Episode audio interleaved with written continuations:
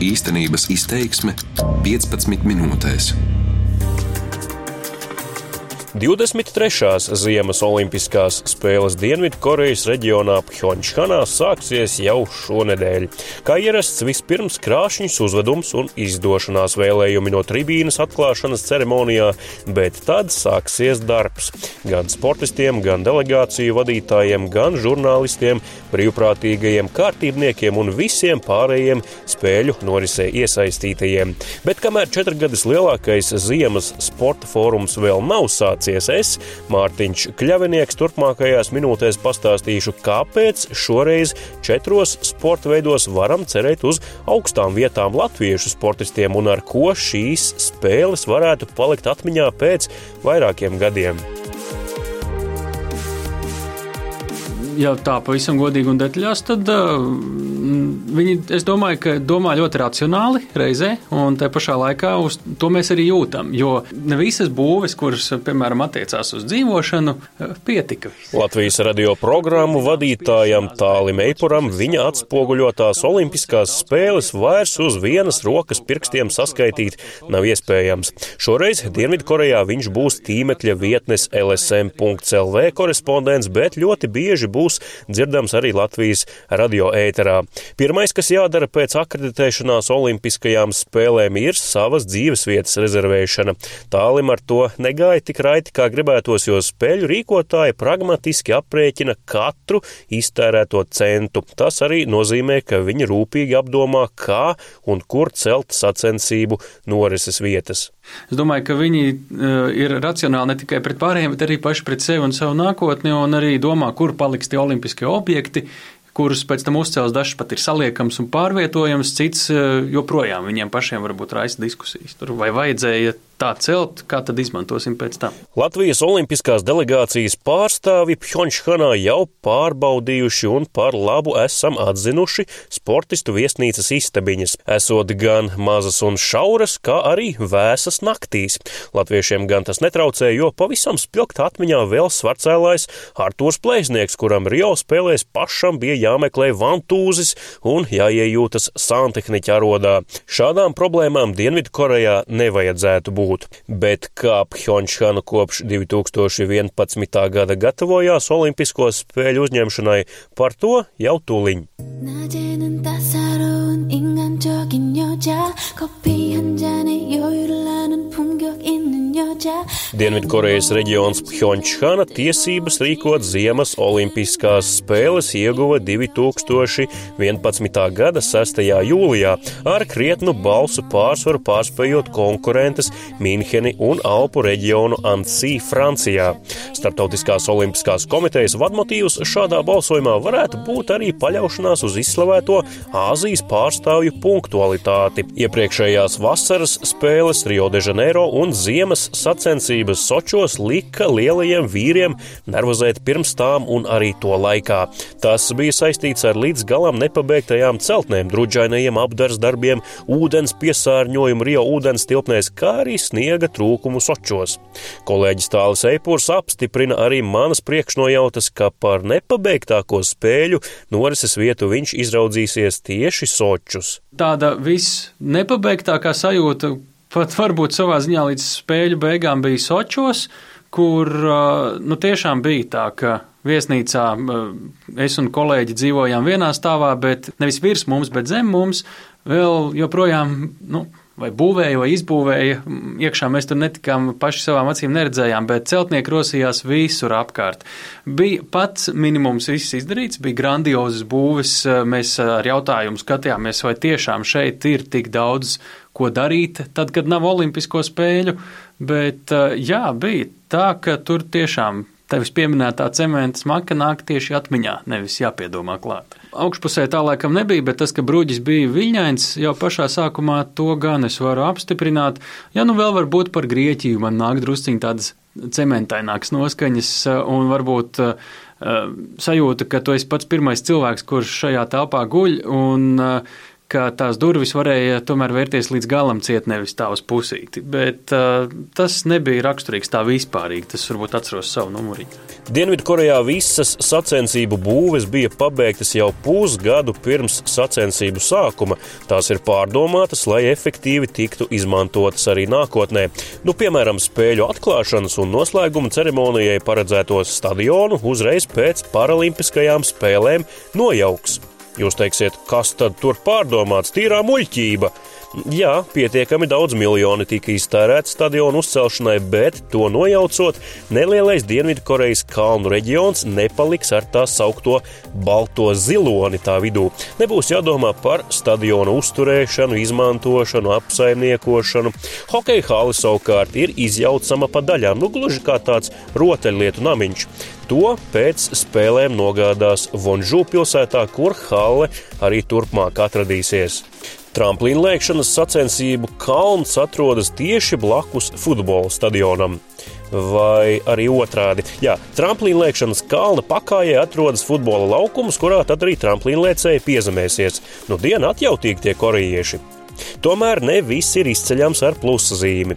Kalnu slēpošanas sacensību norises vietu izveidoja aizsargājumā kalnu meža teritorijā. Tā bija vienīgā vieta reģionā, kas atbilda Startautiskās olimpiskās komitejas prasībām par nepieciešamo trases slīpumu. Vietējā valdība ar īpašu lēmumu šo teritoriju izņēma no aizsargājamo saraksta, nu te nu gan vieta dabas aizstāvju protestiem. Dabas aizsardzība un mežu saglabāšana gan notiek noteikti nav galvenais sarunu temats pirms šīm spēlēm. Galvenais meklējams 80 km no Pjončhanas, proti Ziemeļkoreja. Baidies vilkanē mežā!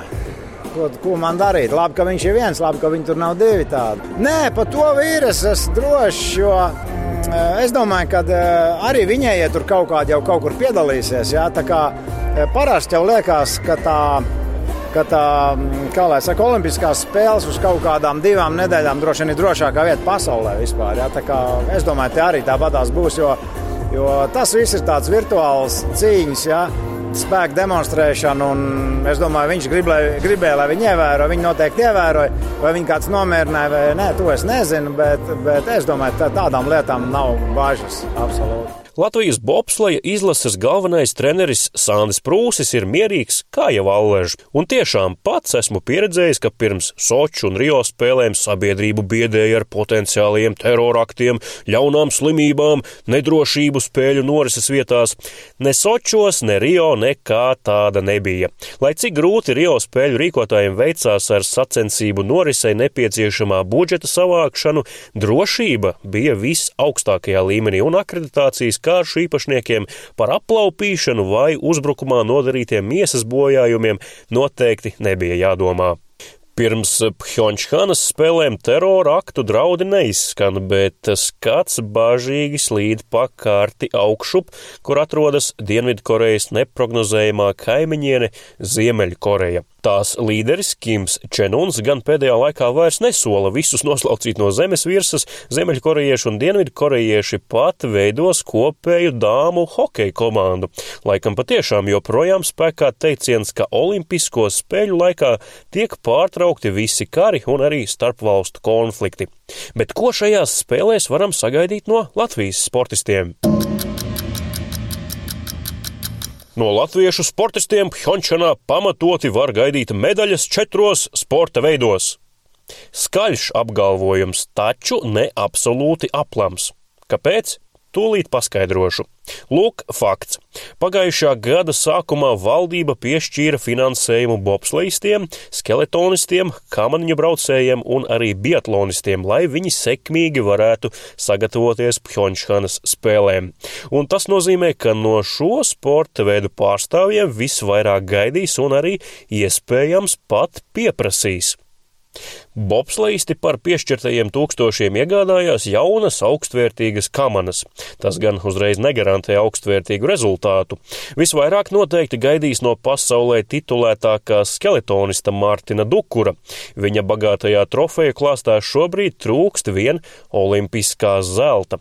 Jā, joprojām trūkst, jo Krievijas dopinga skandālā startautiskās sporta arbitrāžas tiesa tomēr attaisnoja Soču zelta ieguvēju Aleksandru Treķi. Tretjakovu. Tas nozīmē, ka Martins paliek Soču vicečempions. Šīs riņķa dancis ar Tretjakova diskvalificēšanu un diskvalifikācijas atcelšanu pamatīgi sajaucis Dukura jaunākā galvu. Cerams, ka viņš līdz savam startam Dienvidkorejā paspēs attīrīt prātu un nedomāt par blakus lietām. Par labu skeletonu komandai noteikti nenāca arī komandas tehniskā darbinieka Rodžera Lodziņa izslēgšana no olimpiskās delegācijas īsi pirms komandas izlaišanas izlidošanas uz spēļu norises vietu. Lodziņš komandas mobilajā sarakstē rupi apvainoja tajā iesaistītos, lēmumu pieņēma ātri, Lodziņš gan pēc tam vēl dažādi taisnojās par saviem izteikumiem. Viens gan ir skaidrs, noprotams, ka lodziņa rakstītajā bija gan cenzējamas rūpības, gan kas tāds, kas rīvēja kantes Latvijas Olimpiskās komitejas vadībai. Cerams, ka lēmuma pamatā nebija tas, ka lodziņa viedoklis nesaskanēja ar Olimpiskās komitejas vadītāju nostāju. Ar mobīlo ierīču lietošanu sportistiem būs jābūt uzmanīgiem arī spēļu laikā. To zina stāstīt Latvijas delegācijas vadītājs Žoržs Tikmers. Internets un uh, sociālās saziņas vietnes, nu, mūsdienās bez tām nekur neiztikt. Arī vietāluņus katrs uh, saņēmis jaunus uh, Samsung ražojumus, katrs sportists, kas viņiem būs ļauts un kas liekts, ko tur varēs fotografēt, publicēt, filmēt un rādīt citiem un ko nē. Jā, nu jāsaka, ka no šīs saziņas viedokļa, protams, arī šīs spēles uh, ienesīs kaut ko jaunu, varbūt mazas akcentus, bet tomēr, nu, kā piemēram, es varu minēt pietiekami labus tra, jau tradicionāli teiksim, šos te internetu sakarus gan Olimpiskajā ciematā, gan Olimpiskajos objektos, bet no administrācijas viedokļa ir ļoti ērti arī tas, ka ir šie mobili interneta punkti iebūvēti arī automašīnās. Mūsu rīcībā ir pieci transporta līdzekļi, un administrācija ir ērti pārvietojoties teiksim, no viena objekta uz otru, tomēr būt visu laiku informatīvajā telpā. Par um, sociālās saziņas vietnēm un sportistiem jāsaka, ka šeit ir ļoti vienkāršs princips. Sportists savā profilā un savā, teiksim, komentāru ziņā un, un, un, un, un saziņas vietā var darīt visu, izņemot vienu, viņš nevar strādāt kā reportieris. Esam pārliecinājušies arī oficiālās sanāksmēs, jā, delegāciju vadītāju sanāksmēs, kuras notiek katru dienu vai katru otro dienu, tad atsevišķi delegāciju vadītājiem tiek izteikti aizrādījumi, jā, bet attiecībā uz mums mēs šādas aizrādījumus neesam saņēmuši, un arī visi sportisti ir informēti, ka nekādas reportāžas jā, viņi nevar veikt no olimpiskajiem objektiem.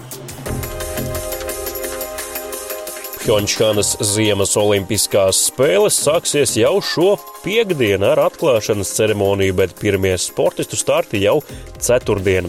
Ik viens no spēlēs nokļuvušajiem sportistiem to ir godam nopelnījis un noteikti darīs visu, lai sasniegtu pēc iespējas labākus rezultātus. Šajā raidījumā es, Mārtiņš Kļavinieks, sniedzu jums nelielu ieskatu tajā, kā šīs Olimpiskās spēles nonāca līdz Dienvidkorejai un ko tajās varam sagaidīt no Latvijas pārstāvjiem. Pavisam noteikti vislielākās iespējas sagaidīt ko spožu un taustāmu atlētu kaklos ir renes sporta veidos, tātad bobslejā, skeletonā un arī kamaniņās. Tas gan nenozīmē, ka citu sporta veidu pārstāvji nevarētu paveikt ko līdzīgu. Noslēgumā vēl jāizceļ, ka svarīgākajiem jaunumiem no spēlēm varēsiet sekot līdzi arī Latvijas radio pirmā kanāla ziņu izlaidumos un raidījumos, kā arī īpašās tiešraidēs katru rītu no pulksten 8 un katru vakaru no pulksten 18.20. Tiekamies ētera